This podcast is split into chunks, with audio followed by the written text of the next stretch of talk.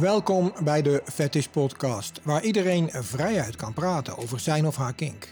Geen gericht interview, maar een gesprek waarin we vanuit gevoel, liefde en herkenning kink bespreekbaar en toegankelijk maken. Ik ben Dirk en vandaag praat ik opnieuw met Bob van Roodmarks over alles wat hem bezighoudt binnen de BDSM. Bob, welkom voor deze tweede podcast. Dankjewel. Fijn om terug te zijn. Ja, alsof je nooit weg bent geweest. Ehm, het is iets uitgebreider dan in mijn eerste aankondiging. Vandaag hebben we ook Spring bij ons.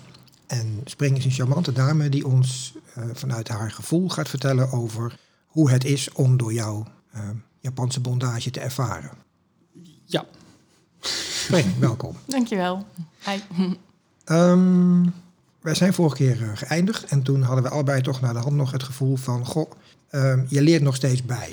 Uh, ja. Jouw conclusie was eigenlijk dat je hebt heel veel verteld, maar eigenlijk was het het topje van de ijsberg. Um, wat is een van de dingen waar jij nog steeds heel erg in leert? Um, je leert bij elke persoon. Dus bij elke ervaring eigenlijk leer je. Dat is wat ik nu wel durf te zeggen. En dat is een ervaring van hoe iemand zich gedraagt. Dat is een ervaring van uh, hoe een lichaam beperkt of niet beperkt is. Het is uh, op een heel breed spectrum op die manier ja, blijf je. Is elke ervaring gewoon een leerles. Precies. Um, en iets meer in detail. Is dat zo dat je bijvoorbeeld zegt, ik leer meer over knooptechniek? Minder. Qua knooptechniek is het meer details die ik oppik, maar die haal ik niet uit de ervaringen. Dat is meer iets waar je op, ja, op studeert. Zeg maar. Af en toe ga ik zelf ook nog naar workshopjes en dan uh, ja, daar leer ik ook bij. Iedereen doet het op zijn eigen manier. Ja, maar wat jou heel bijzonder maakt, is toch binnen de scene en binnen het hele uh, Japanse bondage, binnen de Japanse bondagecultuur, dat je ook echt uh, ja, zeg maar bijleert en uh, jezelf ook steeds meer scholt. Hè? Je gaat echt ook fysiek trainingen volgen en qua veiligheid. En... Ja, ja je, je, je doet echt durf wel te zeggen, ik ben op dit moment zo gegroeid dat ik best wel heftige dingen doe. En dat houdt ook in dat, uh, ja, dat je moet bij leren op een menselijk lichaam. Dat je moet bijleren op uh, de knopen en de technieken om iemand inderdaad veilig de lucht in te krijgen. Uh, dat je moet bijleren op wat gebeurt. Wat moet ik doen als iemand gaat huilen? Om maar iets te roepen. Wat moet je dan doen? Uh, hard weglopen en iemand anders roepen. Verstandige keus. Ja. Wat vind jij ervan, Spring? Iets anders natuurlijk. En Bob meent, Bob meent het ook niet. nee, dat is waar. Maar je hebt nooit gehuild bij hem, in, want jullie hebben regelmatig bondagesessies. Ja, zeker heb ik wel gehuild. En dat vind ik vaak een heel mooi moment, want dat is um, denk ik moment van overgave. Als je er echt aan overgeeft um, en je laat de pijn toe of je, uh, ja, soms voelt het alsof je ergens doorheen gaat. Um, ja, dat voelt als een soort release. En dat is dan ook niet uh, huilen als brullen. Dat is meer ja, dat er gewoon tranen over mijn wangen lopen. Het is niet dat ik echt op die manier aan het huilen ben. Het is niet huilen bij een gevoelige soapserie. Het is echt. Uh... Nou, dat doe ik ook niet. Maar ja, ik probeer het Nee, het is niet. Het, nee, het is, uh, ja, het is eerder smeltwater, lijkt het, wat dan uit mijn ogen komt. Dat er gewoon uh, dat er een laagje smelt. En ja, dat vind ik vaak heel erg mooi. Want je, je opent je dan, zeg maar? Ja, ik geef daar helemaal aan toe. En um, ja, aan, aan de pijn of aan. Um, want het kan, het kan pittig zijn. Uh, en dan bedoel ik wel goede pijn. Je hebt ook goede pijn en verkeerde pijn. Vertel. Um, nou, verkeerde pijn zou zijn bijvoorbeeld als er een. Uh, als het uiteinde van de touw heel hard in mijn oog knalt, toevallig, als, als, er, als het rondslingert. Dat klinkt alsof het gebeurd is, als je zoiets specifieks omschrijft. Niet per se Ik weet met... van niks. Het gebeurt wel eens. Ja, risico van het vak, denk ik. Dat hoort, ja, het kan gebeuren. Oké. Okay. Gebeurt, het gebeurt niet vaak, maar het kan wel gebeuren. En het kan ook gebeuren dat, daar, dat de bondage um, misschien een keer op een verkeerde plek drukt... of dat het gewoon niet goed zit. Uh, en dan kan ik heel duidelijk voelen van, oh, dat is, dat is verkeerde pijn. Dat moet ik eruit of dan moet het aangepast worden. En goede pijn, dat vind ik als het bijvoorbeeld gewoon een heel in, intense sensatie is. Um, ja, dat is wel wat bondage is. Want je, als ik in het touw hang, ik hang met al mijn gewicht in het touw. Dus dat geeft gewoon een intens gevoel. En um, ja, de een zou het misschien eerder pijn noemen dan de ander. Maar als ik, als ik daarin kan ontspannen, um, ja, dan geniet ik daarvan. En dan maakt mijn lichaam maakt lekkere stofjes vrij. Endorfine komen vrij. En dan kan ik in een heel diepe soort ontspanning komen. Juist door de sensatie. Dat vind ik goede pijn. Sweet pain. En is het zo, eh, Bob, dat jij die pijn bewust bij spring kunt oproepen... door de manier van hoe jij bijvoorbeeld de bondage toepast? Ja, er zijn hangen op zich, wat zal zeggen, je hangt met je eigen gewicht in het touw. Dat, dat doet tussen aanhalingstekens pijn. En dat, is, dat kan de sweet pain zijn waar ze het over heeft. En ik kan door bepaalde posities ehm, haar bepaalde posities te laten aannemen of haar de, de al eerder genoemde wokkel te laten aannemen, kan je stimulatie geven. Maar die de eerder genoemde wokkel was in de vorige podcast. in de vorige podcast, ja. Heeft niet iedereen misschien gehoord, dus Oeh, maar dan moeten ze die misschien nog heel even gaan luisteren. dat moeten ze sowieso. Dames en heren, de eerste podcast met Bob. Ja. Ehm, maar je, je, je, brengt een twist in het lichaam, je, je brengt, brengt een buiging in het lichaam en dat geeft een sensatie, een stimulatie. En dat is een ervaring voor haar als de sweet pain. Dus ik kan daar heel sturend in zijn. En die sweet pain, dat, ik, ik probeer me even voor te stellen vanuit als buitenstaan. Ik heb het zelf nooit ervaren. Ik vind een wokkel, denk ik, heel naar. En wat is dan de sweet pain daarvan? Want je, je lichaam krijgt echt een twist. Dus je krijgt druk op je wervels, misschien in je rug. Of hoe moet dat zien? Mm, wat mensen die geen bondage kennen, als je iets wil voorstellen bij sweet pain, dan kun je misschien denken aan. Nou, misschien heb je een keer een hele stevige massage gehad of een drukpuntmassage. Dat kan ook een intens gevoel zijn, een eh, sweet pain. Dus op die manier eh, is het denk ik meer. Ja, snap je dat? Wat- Ja, ik snap het volkomen. Ik probeer het alleen. Ik, ik En de- ken het gevoel natuurlijk. Ik ben, Ja, ik ben door. En de wokkel is, ehm, ja, dat kan. eh, misschien hang ik op, op mijn arm of eh, aan een been. Eh, dat kan heel veel druk geven op één plek op mijn lichaam. Maar verder is aan een wokkel specifiek ehm, uitdagend ook dat bijvoorbeeld als mijn bovenlichaam gedraaid is ten opzichte van mijn onderlichaam, dat bijvoorbeeld ademhalen iets moeilijker gaat. Dus dan moet ik ook beter concentreren op mijn ademhaling. Dat doe ik sowieso al om met de intense sensatie om te gaan.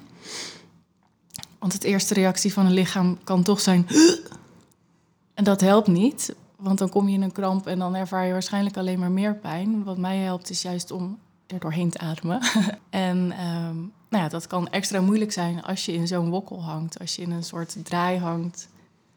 Dan ehm, ja, moet je extra concentreren. En, en ehm, eh, Bob had het vorige keer over de domspace. dat vond ik een erg eh, interessante term. Die ken ik nog niet. Ehm, Jij zit dan in een soort subspace, kun je wel zeggen. Ehm, ik probeer voor mensen die het niet kennen inzichtelijk te krijgen hoe dat dan is. Want eigenlijk, eh, er wordt heel vaak gezegd dat je als eh, dom en sub een soort vertrouwensband moet hebben. Je moet je heel vertrouwd voelen bij hem. Ehm, nou is mijn ervaring zelf dat dat niet altijd helemaal noodzakelijk is. Iemand kan zoiets op je uitstralen als dom dat je toch automatisch voelt dat het gaat of zo.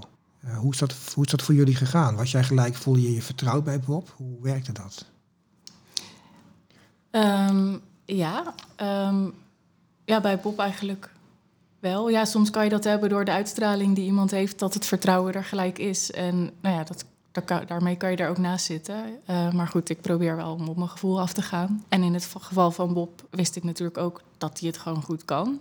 Dus dat helpt ook. En ja, we zijn gewoon de, de eerste keer dat we samen knoopten wat dingen gaan proberen. En ehm, dan voel ik ook aan de manier waarop hij knoopt natuurlijk dat, dat hij het kan. Dat voelt heel zelfverzekerd als iemand aarzelt tijdens het knopen. Of die begint in één keer te vloeken of te, te mompelen van... oh, oh god, oh god, oh god. Ja, dat zou mij niet echt geruststellen. Bob Wat, vloekt wat, niet. wat doet dit touwtje eigenlijk daar? Ja, waar is dit voor, is dit voor touwtje? Ja, Waarom hangt dit touwtje los? dus als, eh, als Bob heel zelfverzekerd eh knoopt met zijn handen... en nou ja, pak me ook gelijk stevig beest, beet en niet aarzelend van... eh, nee, toch maar daar, toch maar daar. Dan is het makkelijker om je aan iemand over te geven. En ja, dan kan ik ook makkelijker in eh, rope space komen. Jij zei, ik heb een, Een nieuw woord, dames en heren. subspace. Roopspijs. Dus ik introduceer een nieuwe voor je. Rope space, ja. Weer een. Leuk, joh. Ja, Ja. ja. Oké.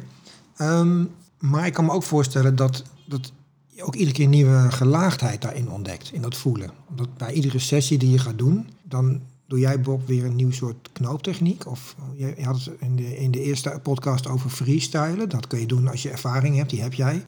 Dan volgt Bob ook jouw lijf, begrijp ik. Jouw reacties. Ehm, Hoe? Je gaat uit van bepaalde, je, je, je gaat, noem het maar, uh, posities. Uh, je kan het lichaam in bepaalde posities brengen. En 9 van de 10 keer als we wat doen, heb ik wel een grof idee wat ik wil doen. Dus welke positie ik zou willen bereiken of benaderen. Uh, of welke transitie ik zou willen doen. En vanaf daar is het dan freestyle. En dat is dan weer het technische gedeelte. Maar wat mij ook fascineert is die scheiding tussen die techniek en het feitelijke voelen. Dus ook het seksuele deel, want dat is heel anders, begreep ik. Daar hebben we het in de eerste podcast een beetje over gehad. Ik weet niet of jij daar ook iets over wil vertellen, Spring. Um, want er komt ook nog een deel seksualiteit bij kijken. Ja, voor mij uh, als ja, als model, ik hou me niet zo bezig met wat voor positie daar uiteindelijk bereikt moet worden. Ik ben dan liever gericht op wat voor state of mind uh, ik zou willen bereiken of dat we dat samen kunnen bereiken. Want je kan zoveel smaakjes kan je hebben. Je kan iets heel teders doen, maar je kan ook iets heel hards doen. En dat geeft gewoon een ander soort vibe of een andere energie, hoe je het wil noemen. Dynamiek. Ja, maar de, ja, de dynamiek die zorgt voor de ene keer voor iets, heel, voor iets heel teders, de andere keer voor iets heel speels, de andere keer misschien voor iets heel seksueels. Dus voor mij is bondage niet per se seksueel en vaker eigenlijk niet dan wel, omdat de sensaties zo ja, heftig kunnen zijn, zeker in de suspensie. Dan heb ik echt niet zoiets van, oh, laten we nu maar seks gaan hebben. Want ik ben dan aan het soort van aan het spacen en um, ja, dat is eigenlijk een soort, bijna een soort trans. Um, Rope space.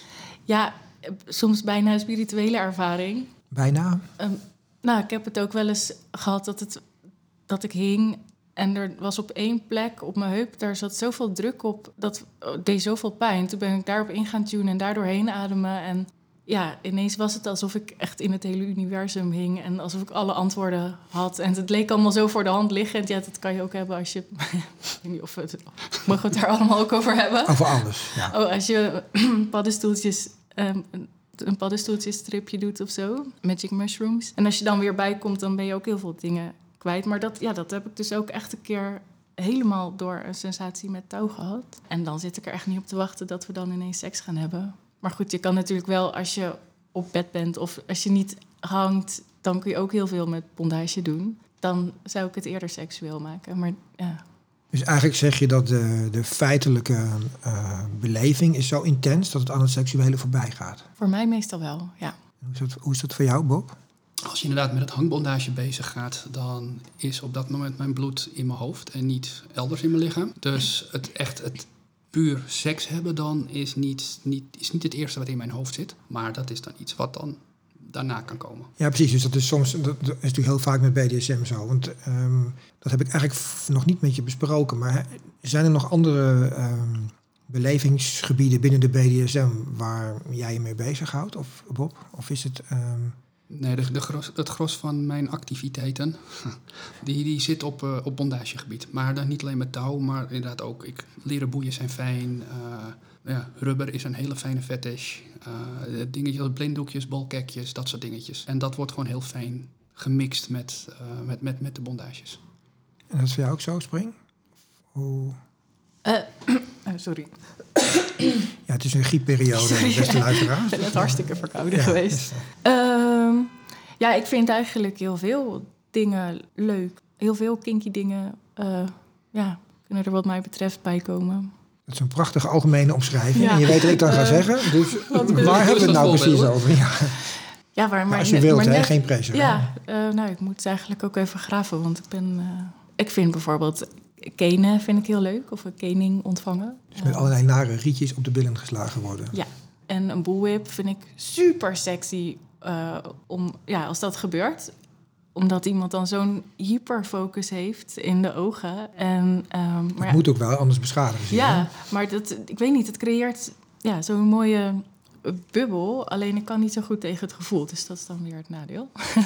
Dat vind ik heel interessant. Dus eigenlijk onderga je dat gevoel voor degene die de boelwip hanteert? Nee, omdat ik het zo sexy vind om te zien, die hyperfocus. En ook, ja, gewoon de dynamiek vind ik dan heel erg mooi en spannend en sexy. Maar ja, ik vind het... Om dat is dan... Die, je weet nooit wanneer de, wanneer de pijn komt, waar die komt, hoe hard die komt. En als ik in de touwtjes hang, dan voel ik gewoon waar die zit. En dan weet ik dat die er blijft en dan kan ik daarin zakken. En op die manier me daaraan overgeven. En als het, als het met een bullwhip is, dan zal ik steeds hebben... Dan duurt het... Ik, het, is, het is wel eens gebeurd dat ik me daar ook aan kon overgeven. Dat ik op die manier in een soort space en in subspace kwam. Een bullwhip space, weer een Uh, nieuwe. whipspace. Dames en heren, vier, de whipspace. Bingo. ja, kwartet. Ehm, maar ja, dat is een, een ander soort eh, spel. Zeker een ander soort spel, maar ik bedoel meer, het, het, eh, het is leuk, de diversiteit vind ik interessant. Omdat ik denk dat je op verschillende manieren dus je, je level van wat voor space dan ook kunt bereiken, zeg maar. Ja. Intimiteit. Ehm, ik denk dat als je op deze manier je eh, spring aan Bob over kunt geven, is dat ongekend intiem. En dat gaat misschien voorbij aan de normale intimiteit tussen haakjes, die je in een relatie of een omgang met iemand hebt. Eh, hoe zie jij dat? Vergele- ja, met Vanilla is het natuurlijk helemaal niet te vergelijken. Waarom niet? Ehm, ja, het voelt... Ja, Nee, maar, Dat ik- het is misschien een te hard oordeel. nee dat Eh, mag. Je ik- mag hier alles, dus eh, uh, hou het steun. Hè? Je mag gewoon zeggen wat je vindt. Ja, er is altijd iemand Ik beledigd. weet ook niet of ik dat wel vind wat ik net zei. Maar ehm, ja, wat het voor mij extra kan geven, naast Vanilla... Ja, dat er een groter stuk vertrouwen in zit. Het voelt soms wel echt dat alle laagjes afvallen... en dat je van ziel tot ziel communiceert of zo. Dat je elkaar zo diep kan, eh, kan raken en bereiken. En ja, dat is denk ik niet ehm, een dagelijks ding. Dat gebeurt niet zomaar. Hier, misschien vinden mensen daarom ook extreem om te doen. Maar ehm, het effect is ook extreem mooi, zou ik dan zeggen. Ja, dat vind ik een hele mooie omschrijving. Want ik denk dat de angst van heel veel mensen eh, voor... eh, eh, als ze zien wat BDSM'ers doen... en bij bondage, wat jullie dan praktiseren ook... is toch, denk ik, in eerste instantie het fysieke... wat ze uiterlijk zien. Maar ik denk dat de echte angst zit, denk ik, in de intimiteit. Wat vind jij, Bob? Denk jij dat ook? Dus het uiteindelijk zo diep durven en kunnen voelen... dat is voor heel veel mensen volgens mij doodeng. Zeker weten, 100%. En als je dan de term dominant pakt, waar ik onder zou moeten vallen, wat ik niet val. eh, Waarom niet? ik vind mezelf niet dominant. Absoluut niet. Ik doe bondage, maar ik ben, ik ben de actieve partij, laat ik het zo zeggen. Dat vind ik nog de mooiste omschrijving. Interessant. Ehm, ehm, en ik doe. En de andere partij, spring, die ontvangt. Ehm, en het is heel makkelijk voor de actieve partij om zich te verstoppen achter de activiteiten. En de ontvangende partij die moet, tussen aanhalingstekens, zich overgeven, waardoor er een heleboel open komt. Eh, op die manier is er een heleboel voor de actieve partij, voor de dominant, om zich achter te verstoppen en niet over die gevoelens heen te gaan. Voor zichzelf of voor haarzelf. En de onderdanige, de, de eh, ontvangende partij, die wordt bijna gedwongen om dat juist wel te doen. Daar zit een soort balans die niet helemaal klopt, ook in mijn mening. En omdat jij niet echt dominant bent, ervaar je het anders. Nee, nee, dit is deels ook voor mezelf. Want ik heb gemerkt dat ik mezelf ook achter kan verstoppen. Ehm, alleen ik probeer het niet te doen. Ik weet niet of ik er altijd in slaag. Maar het is heel makkelijk om je achter... Nou ja, als ik bondage doe, om me achter techniek te verstoppen. Waarom niet? Ehm, maar het is wel heel fijn om het juist niet te doen. Dus dan krijg je weer een hele andere dynamiek waar je mee bezig bent. Dat zijn die momenten waarop jij spring, zeg maar, dan de zilte rakkers laat stromen, als ik het zo mag omschrijven. Ja, soms komt het puur door de pijn, omdat het dan een soort ja, bijna catharsis kan zijn, zeg maar. Ehm, en soms komt het door de interactie. Want ja, dat, dat vind ik het allermooiste als je samen kwetsbaar kan worden. Als je elkaar helemaal toelaat.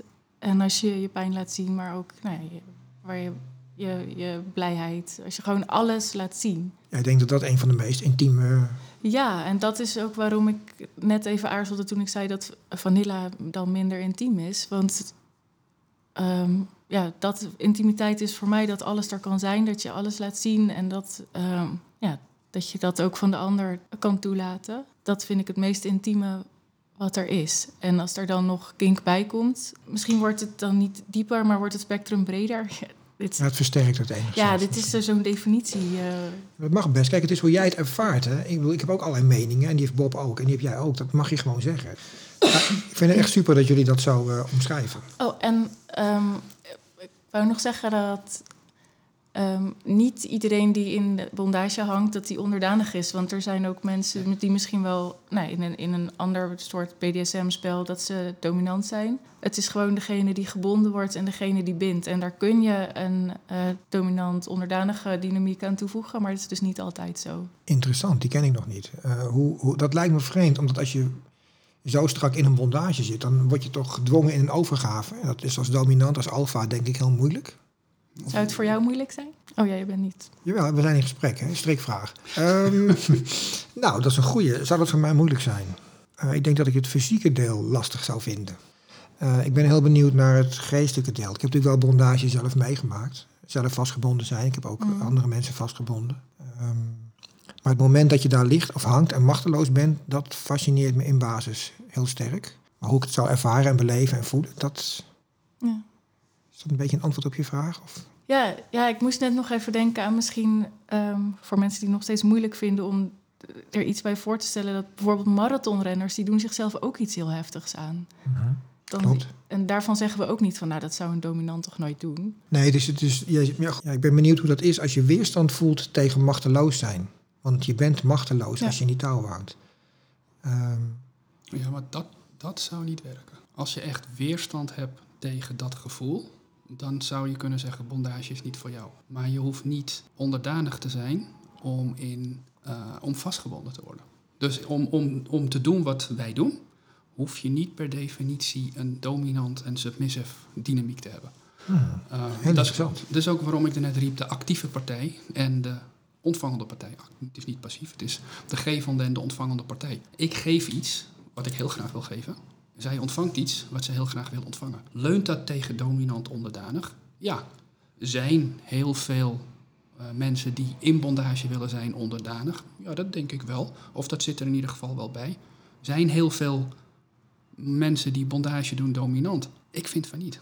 De mensen die ik ken, die zijn niet echt dominant.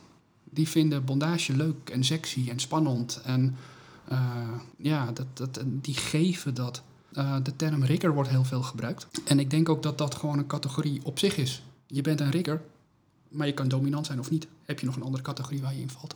Ja. Eh, ja. Dus op die manier, ik denk dus niet dat ik specifiek dominant ben. Ben ik alfa? Nee, denk ik ook niet. nee, zo kom je ook niet over. Je bent heel eh, toegankelijk en communicatief. Dat is overigens nog iets anders waar ik dan gelijk even op door zou willen gaan. Dat is communicatie. Ehm, eigenlijk no matter what je doet binnen de BDSM. Ik denk dat ehm, communicatie wel key is. Terwijl er toch genoeg mensen zijn die dat toch niet helemaal goed doen. Want dan moeten ze praten over gevoel. Precies. Dus nee, dat, dat klopt. Communicatie is, is, is superbelangrijk. Eh, het, is- als, laat het maar actieve partij noemen. Ik moet, moet en wil weten wat er omgaat in het hoofd van de ontvangende. Ehm, en wat de wens eventueel is. En dat vind je uit door te communiceren. Of door gewoon heel veel ervaring met iemand te hebben. En je hoeft niet altijd te communiceren om iets te doen. Maar het helpt wel. Hoe zie jij dat, Spring? Gaat dit over communicatie vooraf dat je iets gaat doen? Of communicatie tijdens het eh, spel? Nou, beide en ook vooral daarna. Want daar En heb ik zelf nog een dingetje over zo, maar daarna vooral. Het is allebei. Hè. Dus Ja, ik- communicatie in het algemeen is Ja. volgens mij de sleutel om... Ja. Kijk, ik denk wat je net omschrijft. Hè, dat vond ik heel mooi. Dat je dus, eh, je geeft je over. en je, je hangt in je eigen space dingetje. En dan communiceren jullie toch. Want anders zou het elke rigger of elke man of vrouw kunnen zijn. Maar je communiceert op een bepaald level energetisch energie. Ja. Daar heb ik het niet over. Dat geloof ik wel dat dat goed zit. Het gaat mij erom van de verbale en het, eh, het nazorgen, bespreken van. Dus het afstemmen van de beleving. Ja. Eh, voor, midden, na, zeg maar.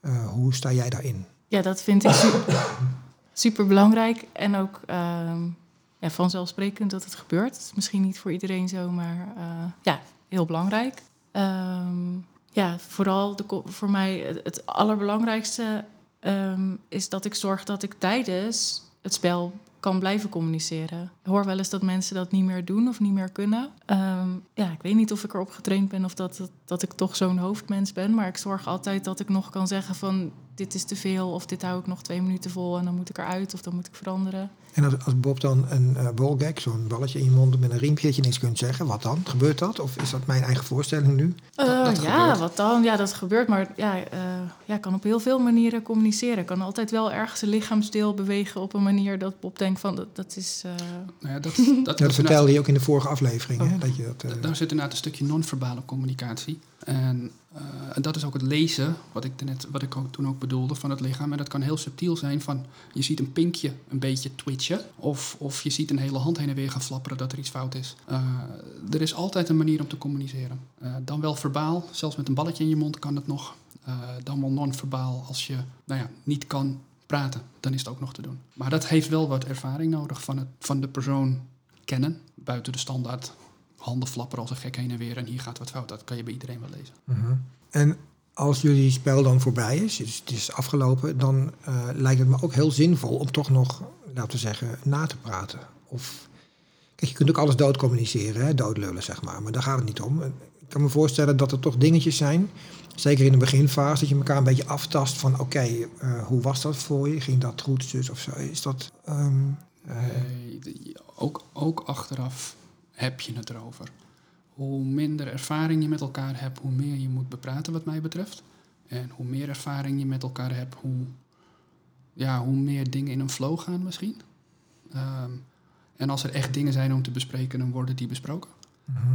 En ik wil ook altijd zeggen wat ik leuk vond. Want ik ben altijd heel blij als ik uit de touwtjes kom. En soms dan blijf ik nog even in mijn bubbeltje liggen. En soms ben ik wat sneller er weer. Maar ik, het voelt altijd alsof ik een reisje heb gemaakt. En dat ik wil vertellen wat voor mooie dingen ik heb meegemaakt. Ehm, en dan kan ik natuurlijk mijn rookmarks bekijken die op mijn lijf zitten. En dan, ja, ook napret en napraten. En ehm, ik realiseerde me net over eh, van tevoren... ehm, dat ik denk dat ik dat eigenlijk nog beter kan leren. Om beter bij mezelf te voelen van wat zou ik willen en om dan daarover te communiceren. Want we communiceren misschien soms wel over wat we gaan doen. Maar ehm, ja, ik weet niet of dat voor veel subs of onderdanigen zo is van dan laat dat je het dan maar een beetje laat gebeuren. Maar ik ben zelf steeds meer aan het beseffen dat ik meer tijd of ruimte voor mezelf kan nemen om te bedenken wat zou ik willen en om dat dan ook te communiceren, zodat we daar wat mee kunnen doen. Dat,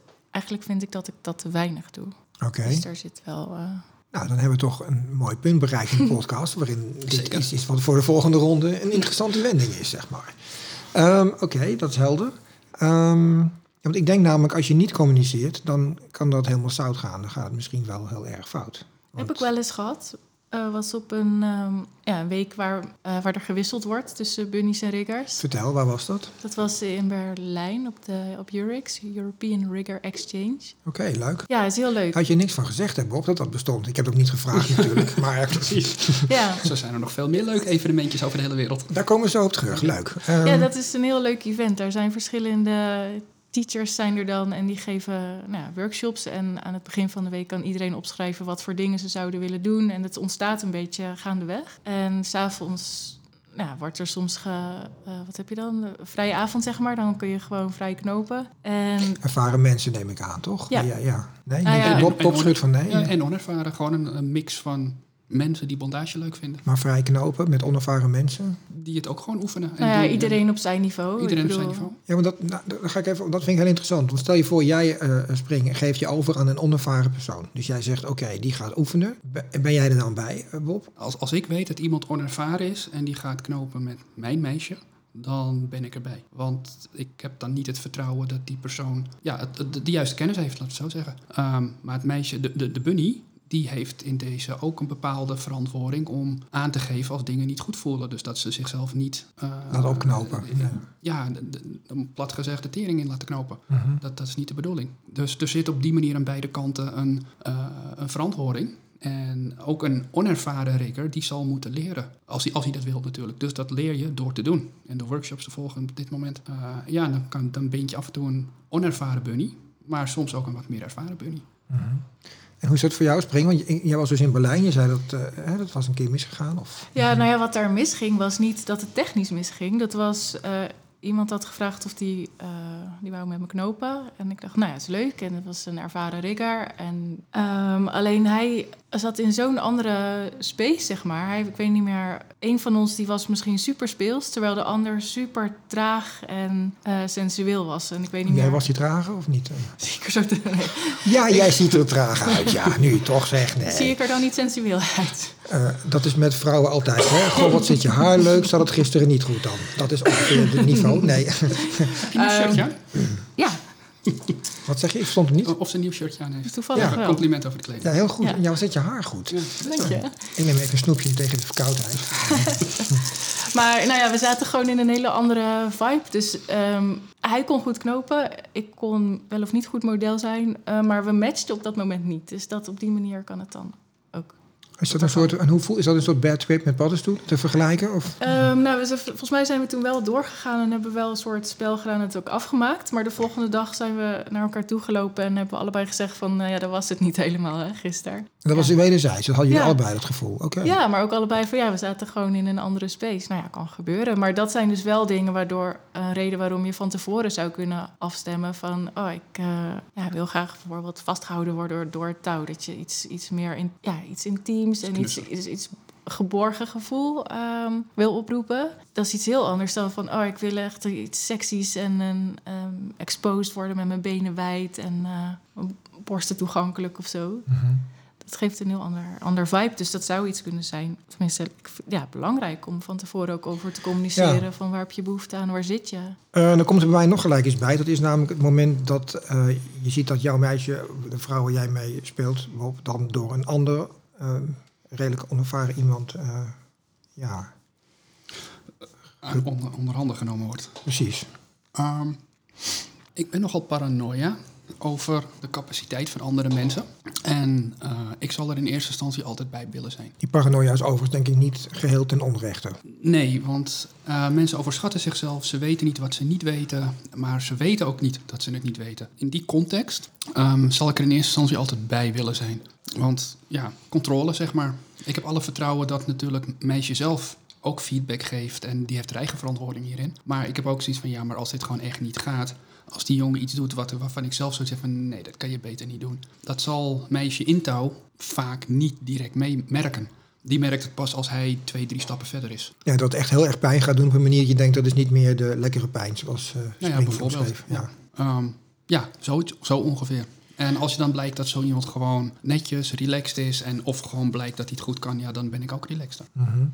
En, um, maar dit was eigenlijk het meest, laten we zeggen... het minste wat je hebt meegemaakt in jouw uh, carrière als bunny. Bondage bunny, zeg maar. Je hebt niet iets gehad... Um, zeg, dat was toch wel heel naar. Ja, uh, misschien heb ik geluk gehad, maar ik heb nooit... Um, ik heb geen zenuwpijn gehad. Ik heb geen uh, uitvallende lichaamsdelen gehad. Ik ben niet uit de touw gevallen. Maar je hebt ook hoofdzakelijk met Bob gedeeld, toch? Begrijp ik. Uh, nee, ik heb voor Bob ook met anderen geknoopt. Um, donkere, donkere periode. Nee, was heel erg leuk. ook. Um, nee, maar luister. Maar ik heb, ja. Zonder knopen, zonder Bob is een donkere periode. Dat bedoel je te zeggen, toch? Precies. Ja, misschien heb ik geluk gehad, maar ik... En zij lulde er wijs overheen. Ja, oké, okay, heel goed. Sorry, ik zal je niet meer plagen. En uh, ja, ik heb denk ik met redelijk ervaren rikkers geknoopt. Ja, dus ik heb zelf geen ongelukken gehad. Ik denk dat Bob er misschien beter wat over kan zeggen. Interessant, vertel. Heb jij ongelukken gehad, Bob? Nou ja, zelf heb ik ze gehad, ja. Dat, dat, dat, je, je kan niet twintig jaar lang dit doen en dan geen ongelukjes krijgen. Maar ik heb zeker dingen meegemaakt van uh, bunnies die... Dus nu praat ik nog even over de andere mensen, niet over mezelf. Mhm. Uh -huh. Maar van bunnies die geen feedback geven omdat het de eerste keer is dat ze met iemand knopen. En ondertussen een slapende hand hebben, maar dat niet melden. Of rikkers die zichzelf zo overschatten, niet weten waar ze mee bezig zijn, maar wel op een event de, uh, een beetje peer pressure hebben. En zien wat andere mensen doen en dat ook willen doen, maar dat gewoon nog niet kunnen. Uh, en een meisje die dan zo zegt van ja, maar ik weet het ook niet. En die laat het allemaal maar toe. Hij is de rikker, hij weet het toch wel. En dat is gewoon twee keer onkunde die uh, edgeplay gaan doen. Ja, dat is niet oké. Heftig spelen met messen kan edgeplay zijn, maar ik vind hangmondages ook onder edgeplay vallen. Als je niet weet wat je doet, kan je iemand gewoon goed beschadigen. En wat Spring ook daarnet zei, als zij bondage voelt, dan voelt ze de pijn, sorry, voelt ze de druk op één plek. Ze weet dat het er zit en die druk gaat niet weg. Uh, terwijl als je zweept, dat is een vergelijking die ik vaak maak, ik kan een keertje fout slaan, maar dat wordt meteen gedetecteerd en ik kan corrigeren. Als mijn bondage fout zit, dan is dat een continue druk op één plek die ik niet kan corrigeren als ik geen feedback krijg. Of als iemand het niet herkent als fout. Zo ik zeg van ja, maar de, de rikker is goed. Hij heeft het aangelegd, dus dan zal het wel zo moeten. Dit, dit is echt wat ik meemaak. En daar, daarom ben ik wat paranoia naar als het in mijn wereld komt. Ja, want in feite dwing jij dus communicatie af over hetgeen dat er gebeurt. Want dat is essentieel, begrijp ik hieruit. Ja, ik vereis dat ik hoor wat er aan de hand is. Want ik voel het niet. En ik zal uh, de bunny vertellen hoe ze zichzelf kan controleren. En hoe ze kan aangeven, of hoe ze kan merken dat het niet goed gaat. Dat zijn natuurlijk geen 100% correcte uh, uit ja, volledige testen. Maar je kan jezelf controleren en die feedback wil ik hebben. Als je het niet zegt, ja, dat is een van de foutjes die ik in het verleden heb gehad. Met een meisje bondage gedaan. En die heeft geloof ik drie kwartier in de lucht gehangen. En, na en het ging vrij goed. En na twintig minuten had ik zoiets van, ja, maar dit, gaat dit nog steeds goed? En ze zei, ja, het gaat helemaal prima. Voelen aan handen en vingers. En voel je, kan je knijpen, heb je kracht. En weet ik wat ik allemaal getest heb. En alles was perfect. En na drie kwartier gaat ze eruit. Ik haal de bondage los en de hand valt gewoon naar beneden. Er zit geen enkele kracht meer in. En toen zei ze van, ja, maar dat had ik al een half uur. Ik zeg, maar ik zit er al drie kwartier om te vragen. Dat was de eerste keer. Dat was een eerste keer dat ik iets, of ik, dat ik met dat meisje wat deed. En die zei niks, want ja, het is de eerste keer, dat doe je niet. Als onderdanige ga je niet tegen je dominant praten. Dat soort situaties waren het. En ze hing niet drie kwartier in dezelfde houding, hè? Nee, nee, nee, het waren Ik verschillende posities. voor- Ja, ja. Dat mensen dat niet weten. dus- Nee, maar ik begrijp het wel. Want ik bedoel, ik ken natuurlijk ook de onderdanige kant. En als ik een, eh, een dame mij met een zweep eh, bewerkt, zeg maar, ken ik altijd het gevoel dat je dan op een gegeven moment in een soort ding terechtkomt waarin je niet meer zo snel communiceert. Ik kan wel stop zeggen, maar ik, aan de andere kant gun ik het er dan ook weer niet. Dan denk ik, shit, weet je wel, ik wil stoer zijn. Maar ik begrijp dus, ja, en dat is toch wat er gebeurt dan? Of hoe zie jij dat, eh, Spring? Nou, Want, eh, als jij dus in bondage, nee, maar wat ik wil zeggen is, als jij hangt en je bent in een stevige bondage en je komt in jouw eh roopspace, dan snap ik wel dat je niet aan een WOP vertelt. Ik denk niet dat ik van alle mensen op deze planeet het meest snel in een space raak. Dus ik ben denk ik nog best wel lang alert. Maar je bent er, hè? daar gaan we even vanuit. Je Ja, bent ja. in die Oh, space. ja, als ik erin ben. Ehm, ja, ik denk dan toch dat er altijd een deel in mij wel alert is op verkeerde pijn. Dat ik dat altijd. ehm, we hebben, ik, ik ben er denk ik zo op getraind, omdat wij veel voor bijvoorbeeld shows of workshops hebben geoefend. Dan moet ik continu feedback geven tijdens het oefenen om te zorgen dat dan later bijvoorbeeld de show goed gaat. Het is een soort gebarentaal, toch? Ik. Nee, gewoon praten. Oké. Ehm, en ja, dat komt ook door Bob. Ik heb geleerd om veel meer te communiceren en om ook gewoon tijdens het oefenen steeds te zeggen: Oh, ik voel nu dit, de meeste druk zit daar. 9 van de 10 gevallen zal hij dat wel weten, maar ehm, ik ben gewoon aan het vertellen wat er gaande is voor mij en wat ik, wat ik voel. En ehm, ja, als ik me in die space laat zakken even, want ik weet niet, ik hang bijvoorbeeld heel graag op de kop in de voeten Momo. Dat is mijn lievelings. Waarom is dat? Heb je daar reden voor? Of? Ja, dat is echt zo lekker heftige sensatie op mijn been. Ehm, en op de kop vind ik gewoon super lekker hangen. Dat, eh, ik kan onwijs ontspannen dan. Maar dan stroomt toch al bloed naar je hoofd? Of ben ik nou... eh, Nee, ja, ik weet niet waarom niet, maar... Het is ehm, afgekneld door de bondage van Bob. Ja, dat, nee, ik ja, dat zit allemaal in mijn grote Nee, teen. precies.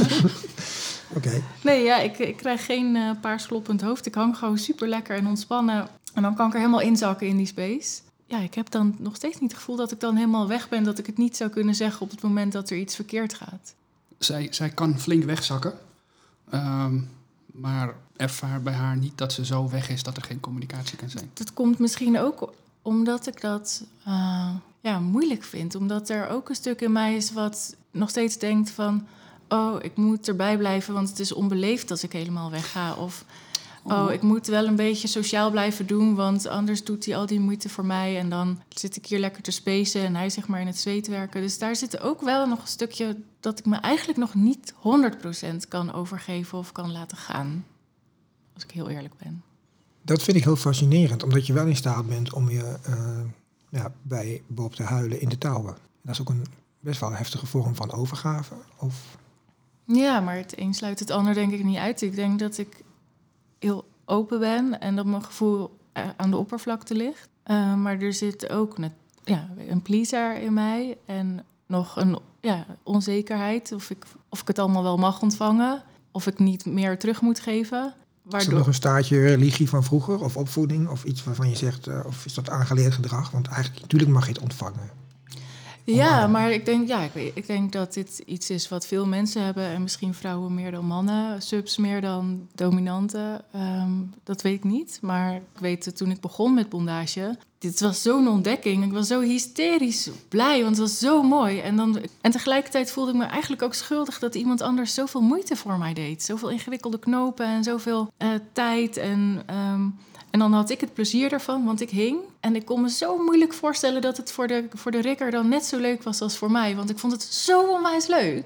Om te denken van, oh, dit, ik vind het zo leuk. Dus dan moet ik maar een beetje sociaal blijven doen om dan iets terug te geven. Maar dat is natuurlijk iets wat in mijn hoofd zit. Wat misschien helemaal niet waar is. Misschien misschien is de grootste gift die je kan geven om het helemaal te ontvangen. Nou, dat denk ik dus ook, want dat is eigenlijk een beloning voor jou, toch Bob? Als ik het zo hoor. Een van de dingen die het zo mooi maken is wat je krijgt. En, en een van de dingen die dus inderdaad heel mooi is, is het vertrouwen wat je krijgt om dit te doen. Zeker als je dus de heftigere kant uitgaat met deze bondages. En dan doe je complexe knopen, maar dat is super fijn om te doen. En het is super fijn dat iemand dat wil ontvangen. Nou, daar heb je antwoord, eh, Spring. Dus het mag.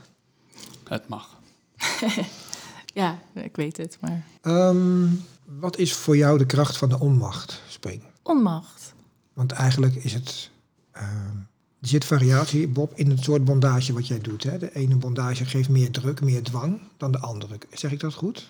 Mm, Zo kun je het zeggen. Ja, en wat, wat Spring zelf al zei, je kan ook zoeken naar iets wat, wat meer knus is, eh, wat wat meer knuffeliger is of wat wat meer seksueler is, et cetera. Dus op die manier dus- heb je...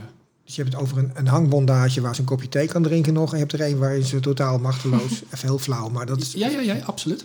Absoluut, dat kan. Eh, het is een hele rare vergelijking, maar hij klopt wel. Maar ik ben ook raar, hè? dus dan... Maar ehm, kom toch terug bij mijn vraag. De kracht van de, de, kracht van de onmacht. Ehm, heb ik het over de bondage waarin je dus helemaal eh, ja, machteloos bent, zeg maar. Ehm, als je teruggaat, van, heb je dan een soort bondage gekend waarin het zo intens was en zo strak en zo dat je in een hypersubspace terecht kwam. Dat is nummer zes, dames en heren. Die we nu vijf, weet ik veel, die we nu hebben. Spaar ze allemaal. Ja, De, de glosserie staat op de website. ja. precies, ja, precies. Ehm, Oftewel je meest intense ervaring. Dat ben ik eigenlijk wel benieuwd naar in dat opzicht. jeetje, is het zo'n moeilijke vraag? Ehm, Eh, misschien zijn er meerdere geweest. Of misschien heeft het helemaal een persoon samengehangen eh, geweest. Dat, eh, Ik, ik denk dat je niet direct heftigste ervaring of een elke ervaring naar mijn beleving binnen bondage is op een bepaalde manier uniek. Ehm, want het ligt aan je eigen hoofd op dat moment. Het ligt aan de keus van bondage wat je doet. En dat maakt het uniek. Dus een, een, een heftigste ervaring, dat legt eraan wat je dan zoekt in heftigheid. Want het kan ook heftig knuffelig zijn. Eh, het kan ook een hele impact maken. ja, ik bedoel eigenlijk dus, wat, wat is je, als je eraan terugdenkt. Als ik aan mijn eigen ervaringen terugdenk, eh, zijn er een paar aantal waarvan ik eh, denk, dat vond ik fantastisch. Ehm, een van mijn eerste ervaringen was dat ik een briefje schreef naar een dame in België. Of dat wist ik niet dat het haar man was, maar ik schreef een briefje, heel vies kladje. Toen had je nog geen internet in die tijd. En toen werd ik ineens gebeld en ze nodigde me uit met een paar zinnen. Moest ik naar een station komen. In België heeft ze me ontvoerd vanaf het station in haar auto. Thuis moest ik me uitkleden en heb ik naakt voor haar gezeten. En haar man bleek voyeur en die liep daar omheen in het geheim. Dat wist ik niet. Dat was een hele bijzondere, die ben ik nooit meer vergeten. Ik heb met die dame ook vier jaar lang een hele intense BDSM-relatie gehad. Met medeweten van haar man. Eh, zoiets. Ik denk, ik gooi er maar even eentje van mezelf in. Dan, ik bedoel, ik zoek meer van... ehm, Ja, de intensheid van bijvoorbeeld deze ervaring zit in de, in, in, in, lijkt mij in de eerste keer. In, in het onverwachte, in wauw, Precies, wat, wat gebeurt er voor ja. die spannend, het unicum. Ehm, maar als dit voor de tiende keer zou gebeuren, Weet ik niet. Ik ben redelijk eh, receptief, receptief. Hoe zeg je dat? Ik vind heel veel dingen... Opvattelijk, dat, ja, dat kan best wel binnenkomen. Ja. Maar misschien dat je niet op kunt dat er heel veel goede ervaringen zijn of intense. Dat bedoel ik. kan ook emotioneel zijn, knuffelig inderdaad. Ja, ik, wat ik het mooiste vind is als er, echt, als er echt een spel ontstaat met veel dynamiek. Als er eh, misschien veel oogcontact is of als er veel speelsheid in zit. En ehm, ja, als het, als het veel smaakjes heeft, zeg maar, op die manier. Eh, dat is niet bellen, ja, oké. ja.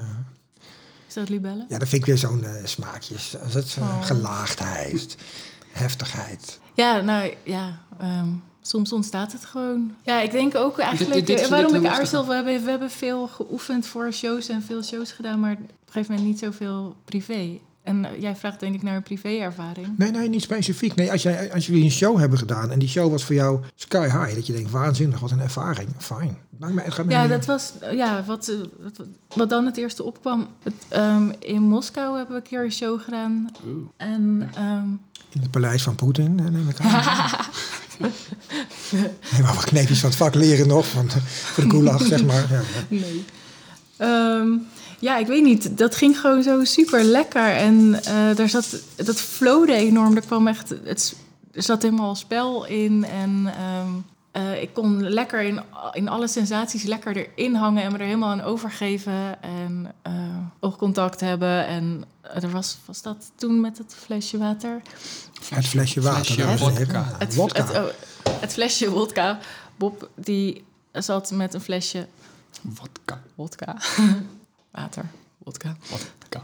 Op het podium. En, De eh, kop was eigenlijk zo lam als het maar kon zijn, of niet? Of, Yes. ah, oké, helder. maar er luisteren ook mensen die niet weten wat, wat dit echt is. En die moeten niet denken dat je dit echt met drank op zou doen. Precies, dus vertel verder. Ja, het Dus het was water, In, een, in een flesje wodka. En ik hing en hij zat op de grond naar mij te kijken. En met zijn flesje eh nep wodka. En te gebaren dat hij water naar me ging spugen. Toen dacht ik, ja, dag. Dus eh, ik verzamelde ook wat speeksel. En op het moment dat hij gespuugd had, spuugde ik terug. Gadverdamme. Ja, Precies. Je had erbij moeten zijn. ja, precies zo'n verhaal, weet je wel. Maar Het was Nee, niet maar mijn dat- meest sexy ervaring. Ja, maar dat vonden we wel heel grappig, omdat het gewoon in het moment dan ontstaat. Dat vind ik gewoon leuk, als het heel serieus kan zijn en gevoelig, maar ook ineens grappig en speels. En ik ben niet zo'n deurmat of een zandzak die een beetje in het touw hangt te dweilen. precies. Ik ben ook niet altijd aan het spugen, overigens. Ja, dat was Maar- niet mijn eerste gedachte. Ja, ik weet niet, dat was gewoon, het was een heel, die dynamiek daar, dat ging gewoon super lekker. Dus toen je dat net vroeg, dacht ik hieraan. Oké, nou dat was ook eigenlijk de insteek. Ik wil gewoon, Ja. ik vind het leuk. Ehm, wat ik me ook nog afvraag is, door wat jullie dan delen op dat vlak, eh, hoe werkt dat in je, laat ik maar even zeggen, gewone leven tussen haakjes door? Ik weet dat Bob heeft het omarmd en die draagt dat helemaal uit. En ehm, hoe werkt dat voor jou?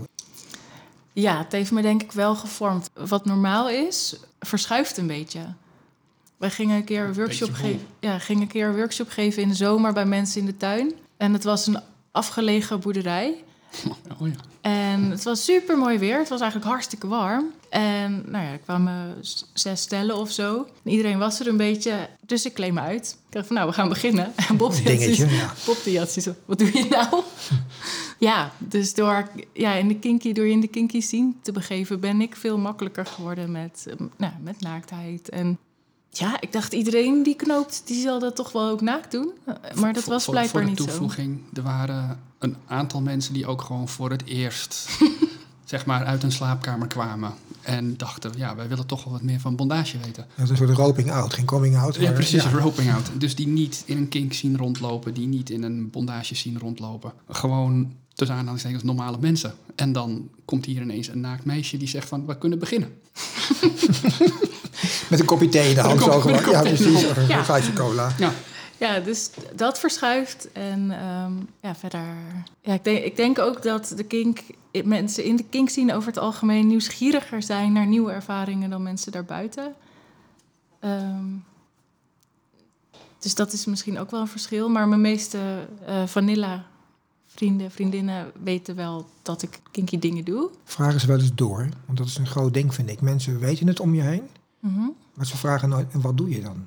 Die vraag stelt bijna niemand, hè? Ja, dat is wel waar. Ze vragen niet vaak door. Het is dan meer een grapje, of in, een, in de appgroep een grapje van... oh, die hangt zeker ergens in de touwtjes. Het is wel opmerkelijk dat mensen dus niet doorvragen dan, hè? Ja, ja, maar misschien is het totaal hun ding niet. Als zij postzegels verzamelen, dan zou ik misschien wel vragen van... oh, was, was die beurs laatst waar je heen zou in Utrecht, was het nog leuk? Ja, nou, dan zou ik daarna niet doorvragen van... oh, en ja, waarschijnlijk... is- onbekend gebied. Onbekend Ja, gebied voor de precies. mensen. ja, dat- van, het Maar is ook gewoon... angst, denk ik toch, voor een deel. Van, dan horen ze misschien niet wat ze niet willen horen of zo. Of, dat heb ik vaak ervaren. Mensen vragen. ze- Want ze hebben namelijk, als jij wegloopt, dan hebben ze wel een mening, hè? Ze hebben altijd een mening. Mensen hebben onderling hebben ze altijd een mening over jou dat je kinky bent. En daar hebben ze Mm. verhalen over. En eh, ik heb dingen over mezelf teruggehoord. Dat ik denk, nou, nou, als dat toch eens waar was geweest. dus dan denk ik van, dat klopt niet. dus dat bedoel ik meer van in je gezicht vragen. Dat, Ja. maar het ging mij dus meer om van hoe heeft het jou gevormd als mens? Ik denk dat het heeft het je ook sterker gemaakt voor je gevoel. Of voel je je juist kwetsbaarder daardoor? Ja, het heeft me denk ik ja. ook wel sterker gemaakt. Dit is echt mijn ding en ik mag dat ook doen. Ehm, ik heb ontdekt dat er veel meer mensen zijn die dit leuk vinden. En dat het leuke mensen zijn. En ook. ook leuk, ja, en dat, ja, ehm, toen ik begon met Kink, het eerste feestje waar ik heen ging, eerlijk, ik scheet alle kleuren van de regenboog Voordat je binnen was. van tevoren. Ja. Ik had de hele dag al klotsende oksels en ehm, nou, ging naar dat feestje. En toen vond ik het ook nog steeds eng, want er waren toch allemaal mensen met leer, latex. En er werd eh, een meisje gezweept. En ik zat echt eh, met knillen, trillende knieën achter de bank en te huilen van... ja, maar ze heeft pijn. Dus ik moest wel even wennen. Maar ehm, ja, het zijn je komt zoveel aardige mensen tegen. En het is helemaal geen donker, duister gebeuren. Er is ook heel veel licht en pret en intimiteit en verbinding en plezier en speelsheid. En voor mij is kink ook... Als kind kun je... Ja, kinderen die spelen heel veel. Die zijn fysiek bezig, die rennen rond. Wanneer kun je als volwassene nou nog echt spelen en teasen en grapjes maken en een beetje stoeien, eh, rollenbollen. Dat is voor mij ook kink. Het is heel erg licht. Het is gewoon een speelsheid met een, uh, ja, met een spannend randje. want het is, het is niet helemaal onschuldig. Nee, precies. Want er is ook nog een dark side aan de kink. Ja, dat, nou ja, ja. Is dat zo? Dark side is voor mij wanneer het echt abuse wordt. Wanneer mensen niet bewust zijn of wanneer... Nou ja, maar dat is wel een beetje wat de buitenwereld ziet. Ja, je oh. bedoelt eigenlijk twee, tweeledig. Wat Bob zegt klopt. het is wat de buitenwereld ervan maakt. Die zien vaak alleen maar de sensationele, mediagerichte... Harde. Harde dingen soms. Maar ik bedoel ook het emotionele deel. Ik heb, kan me voorstellen, vanuit mijn eigen ervaring ook wel, dat er kinkrelaties soms uitgaan met een knal. Uh, en dan bedoel ik mij, dan stopt het ineens en dan gaat het weer door of het stopt voorgoed. Ik bedoel, het lijkt me in general zijn de kinkrelaties vaak wat heftiger dan de vanilla-relaties. Of is dat mijn eigen ervaring of mijn projectie? Hoe zien jullie dat, Bob? Hmm, ik, ik, denk wel dat je gelijk hebt. Uh, want je speelt meer met, nou ja, emoties. emoties. Ja. Um, maar, en ik denk dat je op die manier meer, ja, meer heftigheid zal ervaren binnen BDSM-relaties, binnen kinkrelaties. Maar binnen vanilla-relaties is het denk ik net zo erg. Daar zijn ook mensen die bewust of onbewust uh, abusive zijn feitelijk, maar dat niet eens zelf weten. En dan krijg je ook ups en downs in je relaties die niet, die niet oké zijn. Ik, ik denk omdat je speelt met vuur, dan heb je meer brandwonden. Beetje, beetje die richting. Ja, leuk. Gelukkig zijn daar zalfjes voor. En... Ja, precies. En, en de vanilla-wereld, om het zo maar uit te drukken, die speelt iets minder met vuur, dus die heeft wat minder brandwonden. Oh, mooie metafoor. Uh, hoe zie jij dat, Spring? Ja, hetzelfde. Ik denk, um, als je met kink bezighoudt, speel je ook met veel emoties. Um, ik denk ook hier weer dat de sleutel is of je communiceert of niet. Kink biedt ook heel veel ingangen om te communiceren over wat er in je omgaat, wat je nodig hebt, wat je voelt, wat je zou willen voelen. Um, dat is en blijft een moeilijk ding, denk ik. In het algemeen, ja. Ook in het algemeen ook. En ook voor vanilla. Maar voor kink Maar ja, als je, met zo, als je zoveel... Uh, een beetje zo roert in de emoties. Ja. Je kunt zo, zo poken letterlijk, zo steken en doen en prikken. En... Ja, ja, goed, een van de meeste dingen, dingen die ik ervaar die niet, tussen aanhalingstekens, niet oké zijn, is dat nog steeds heel veel de mindset is van de ontvangende partij. De gevende partij weet het wel, zonder dat er gecommuniceerd wordt. Dat is wel iets wat ik als een soort, nou, ik wil niet zeggen als rode draad, maar ik wel heel veel meemaak. Gevaarlijke aanname. Een gevaarlijke aanname. De, de, de dominant weet het wel, de rigger weet het wel. De, uh, en dat is niet zo. En dan wordt er niet gecommuniceerd. Daar gaat het al fout. Ja. ik denk dat het van beide kanten is. Dat misschien onderdanig, ja, om het even naar Dom en Sub te trekken, los van Rigger en uh, Bunny. Dat een onderdaan, ik zal voor mezelf spreken, ik als onderdanige misschien um, dat eerder aanneem van uh, dat, dat de ander het wel weet. En dat ik vergeet om bij mezelf in te voelen van hé, hey, maar wat wil ik nou eigenlijk? Waar heb ik behoefte aan? Waar heb ik zin in? Ik heb wel zin in een kening. Kan ik dat dan ook gewoon vragen? Of is dat dan weer toppen from the bottom? Ja, en geld moet je verdienen. Um, nou, dit soort dingen. Ik denk eh, voor mezelf. Dat is, dankjewel. voor mezelf denk ik dat ik um, meer kan en mag invoelen van waar heb ik behoefte aan en hoe communiceer ik daarover. En ik denk ook van de kant van dominanten dat, um, ja, dat dat vaak mensen zijn die houden ervan om controle te hebben. Maar die vinden het misschien moeilijker om te vragen van, aan de ander van wat zou jij willen, waar heb jij behoefte aan. Dus er ligt voor beide ligt er denk ik een uitdaging. Ja, er zijn ook allerlei um, middeltjes voor. Hè? Je kunt lijstjes maken over en weer. Die kun je inleveren bij elkaar. Je hebt slavencontracten, subcontracten, hoe noem je dat, waarin je dingen kunt vastleggen. dus er zijn ook middelen om dingen in te benoemen. Die, voor, die hoeven niet per se gelijk uit te spreken, maar die, die je toch kunt communiceren. Nee, maar ik bedoel meer over emoties in het moment. Mhm. Want dit zijn lijstjes over hou je van uh, kening, bullwhip, uh, ja, Je had het over kening net, vandaar dat ik ermee kom. Dat je dat, ja, ja maar het is meer de communicatie van waar heb je in dit moment behoefte aan? Of oh, oké, we gaan spelen. Wat zou jij willen als je dominant bent? Daar zal niet iedereen het mee eens zijn. Maar ja, ik, weet niet, er zit gewoon... Um... Maar ja, Bob, dus jij gaat ook een keer... Je laat een keer spring jou ophangen, of opknopen, vastknopen. Sorry, wat? Er is ergens iets mis met je Ja, dat klopt. Audio slecht, hè? okay. ik ook. Ja, oké. Nee, ik ga... denk dat het heel mooi is om onderdanig te zijn, maar als... Uh, uh, als er bijvoorbeeld te veel pleasergedrag in zit, dat, dat het schadelijk kan zijn. Dus Zeker, ja. Um, ja, denk voor beide partijen uitnodiging om te kijken van waar zit mijn valkuilen en wanneer, eh, wanneer is het niet meer echt gezond, zeg maar. En wanneer is dat volgens jou? Ehm, Er zijn heel veel studies naar Nou. gedaan, hè? wanneer het nog gezond is en wanneer niet. Ja, maar dat, dat- is niet vanuit het gevoel zoals jij dat kent, dus daar ben ik heel benieuwd naar. ik vind het leuk om te pleasen, maar er zit ook een ongezond, ongezond kantje in. Want ehm, misschien was ik vroeger niet geliefd als ik niet maar pleasde thuis. Als ik niet maar alles deed wat, wat mijn ouders verlangden. En er zit gewoon heel veel oude patronen van vroeger. Ehm, eh, mijn vader die dulde geen tegenspraak. Ik had, die had ook geen mening. Alles wat hij vond, dat waren feiten. Waardoor ik niet een heel sterk ehm, zelfbeeld of gevoel van zelf heb Eigenwaarde. niet eigenwaarde, maar gewoon. Ik kreeg zijn liefde als ik braaf was en luisterde. Ik kreeg niet liefde als ik eh, rebel was en eh, lui was, whatever. Dus dat wordt er zo ingeprogrammeerd dat ik ben gaan geloven dat dat moet. Dus ik, in relaties zie ik dat terug. Dat ik ehm, heel erg afstem op de ander van... oh, wat wil die? Eh, hoe moet ik me gedragen om... ehm, Aardig gevonden te om worden. aardig gevonden te worden. Dus dat kan. En dan kan ik denken van ja, maar ik ben gewoon heel flexibel en aardig. Dat is, dat is mijn persoonlijkheid. Maar die is wel gevormd door vroeger. En dat speelt zich uit in relaties. En dat kan heel fijn zijn, want ik vind ja, misschien eh, fijn om, om te dienen als sub. Maar dat kan ook doorslaan. En als ik op een gegeven moment op het punt kom waar ik besef van... hey, maar wat wil ik eigenlijk? Of ik wil al heel lang iets en dat, dat kan niet. Dat schuif ik, eh, dat veeg ik onder het vloerkleed dat is wanneer het voor mij ongezond wordt. Dus het is voor mij, eh, omdat het pleasen er zo ingeprogrammeerd is, een soort. ehm, moet ik extra opletten wanneer ik daarmee te ver ga? Wanneer ik niet meer bij mezelf blijf.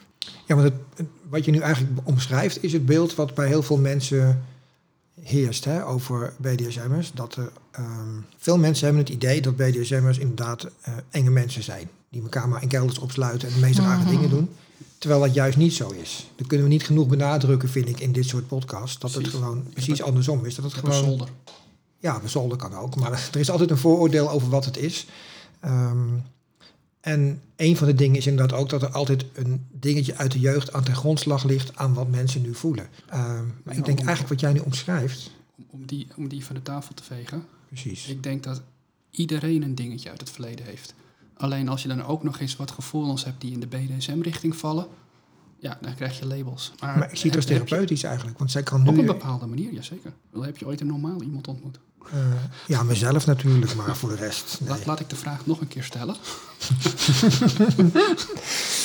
Nee, maar ik denk dat het juist heel goed is wat jij omschrijft over die gevoelens. Eh, je hebt nu een manier gevonden om daarover ja, te kunnen benoemen. Je kunt het herbeleven, je kunt het voor jezelf een plek geven en ook kijken wanneer het inderdaad te ver gaat. En dat is denk ik iets waar veel mensen al niet eens aan toe komen.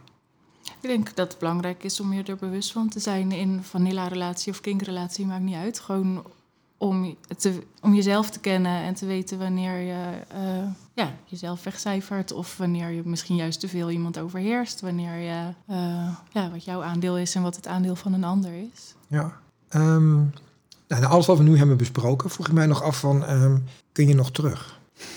Kun je nog terug? Kunnen jullie nog terug naar voordat je dit bent gaan beleven? Is er nog een, dat was een ander leven. Voor jou was het te vrij jong, maar ik weet niet hoe lang- wanneer was het voor jou voor het eerst, eh, Spring, dat je ermee in aanraking kwam? Dat je bewust werd van die gevoelens? Ehm, dat het BDSM was, daar kwam ik achter omdat tijdens mijn studietijd gaf een vriendin die gaf me het boek The Story of O. Die zei: Volgens mij moet jij dit eens lezen.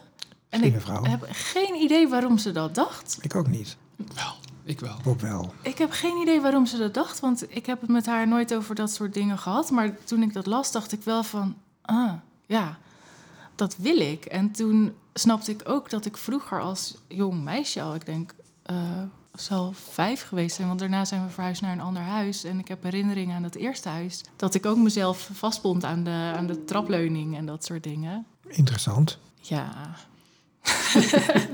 Ehm, Weet jij dat, Bob? Oké, ik niet. Leuk om te horen. ik, ik heb hier wel eens wat eerder van gehoord.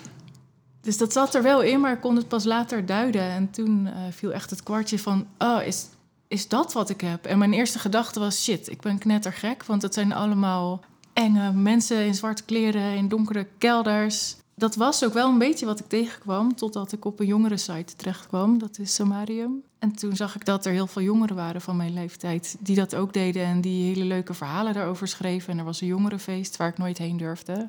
Uh, ben ik nooit geweest. Vond het toch te eng en het was ook uh, ver weg.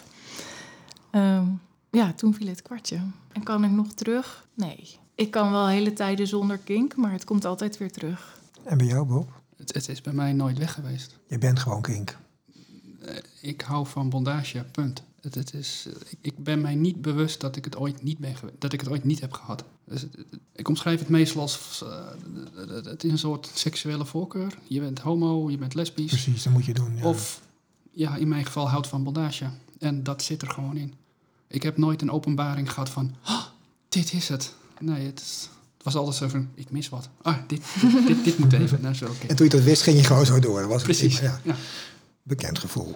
Ik ben een beetje doorgeslagen, dat wel, maar ja. Ja, dat zie ik dus persoonlijk heel anders. Maar dat is het lastige bij ons. Hè. Je, in één keer... je bent jezelf geworden. Ja. Nou ja, dat denk ik namelijk dus ook. Ik denk dat het... Um, het is mijn een van... Ik ben ook heel dankbaar dat ik dit kan meemaken voor mezelf. Dat ik zo heb kunnen voelen op zo'n level. En ik, ik denk dat mensen die dat niet kunnen, dat best wel iets missen of zo. Ik kan ook zeggen, ik ga in de bergen wandelen, ik geniet van de schoonheid als een andere vorm, maar die kunnen wij op onze manier natuurlijk ook ervaren. Maar je kunnen laten gaan op zo'n level, op zo'n, in, in, in, jouw kink, in jouw bubbel, ja, dat vind ik echt fantastisch. Ja. Dus dat vind ik een voorrecht dat we dat met elkaar in wat voor vorm ook kunnen delen. Dus, uh, Helemaal mee eens. Ja, vind ik ook. Um, op gevaar als dat wij luisteraars erg gaan vervelen met herhalingen, vroeg ik mij af, is er nog iets wat ik niet heb gevraagd aan jullie? Want volgens mij wel heel veel besproken. Um, ja, ik heb heel veel te melden hierover in principe nog. Um, maar uh, dat kunnen misschien in de volgende podcast. Misschien een derde. Ja. Uh, maar in principe. Of een vierde. We kunnen hier misschien een regelmaat van maken. Ja hoor. Nou, dat doen we zondagmiddag bij Bob. Met in de achtergrond het geluid van krakende uh, bunnies in de touwen die daar een beetje hangen. Ja, veel wat gegil. Ja, en dan zet een microfoontje erbij en dan kunnen ze... Mm, wat zeg je? Oké, okay. en nou Bob, vertel verder. Ik vind hem nu al oké. Okay. Leuk. maar uh, maar uh, nee, ik bedoel, het gebied van Japanse bondage, Shibari, Kimbaku, is echt heel breed. En ja, daar, is, daar zouden iets, er zouden nog heel specifiek op dingen in kunnen gaan... Uh, die dan wat meer losser zijn van de BDSM in Europa. Dan gaan we dat nog een keer dat doen. is misschien wel interessant voor de volgende keer. En maken we daar nog een, een andere mooie podcast ja, over. Ja, ja. Maar voor de rest, nee, het was helemaal perfect zo. Oké. Okay. Heb jij nog iets wat je wil delen met ons, Spring? Dat soort dingen bedenk ik altijd als het net afgelopen is. Dan weet ik ineens, oh, dat had ik willen zeggen. Okay, Dit heb ik gezegd, maar dat had ik zo moeten zeggen. Dat zal nu ook wel zo zijn. uh, ik vond het erg leuk met jullie allebei te praten. Uh, heeft veel... Gebracht, denk ik. Ik hoop dat uh, mensen om ons heen die dit horen er ook wat aan hebben. Um, uh, dankjewel voor jullie komst. Fantastisch. Um, ik ga Bob zeker nog een keer spreken. En heel misschien uh, Spring ook nog een keer, wie weet. Jullie zijn allebei welkom. Dankjewel, dankjewel voor nu. Graag gedaan. Ja. Dank voor het luisteren naar de Fetish podcast. Ik hoop dat ook dit gesprek je heeft geamuseerd, geraakt of verder helpt met je eigen fetishbeleving. Via de website synquest.nl kun je altijd een reactie sturen. Bijvoorbeeld als je zelf een verhaal hebt wat je graag met ons wilt delen. Op de site vind je ook linkjes naar andere podcasts en mogelijk voor jou interessante sites over BDSM in het algemeen. Dat was het voor nu, tot de volgende keer. En reageer ik anders via sinquest.nl. S-I-N van Nico, quest.nl.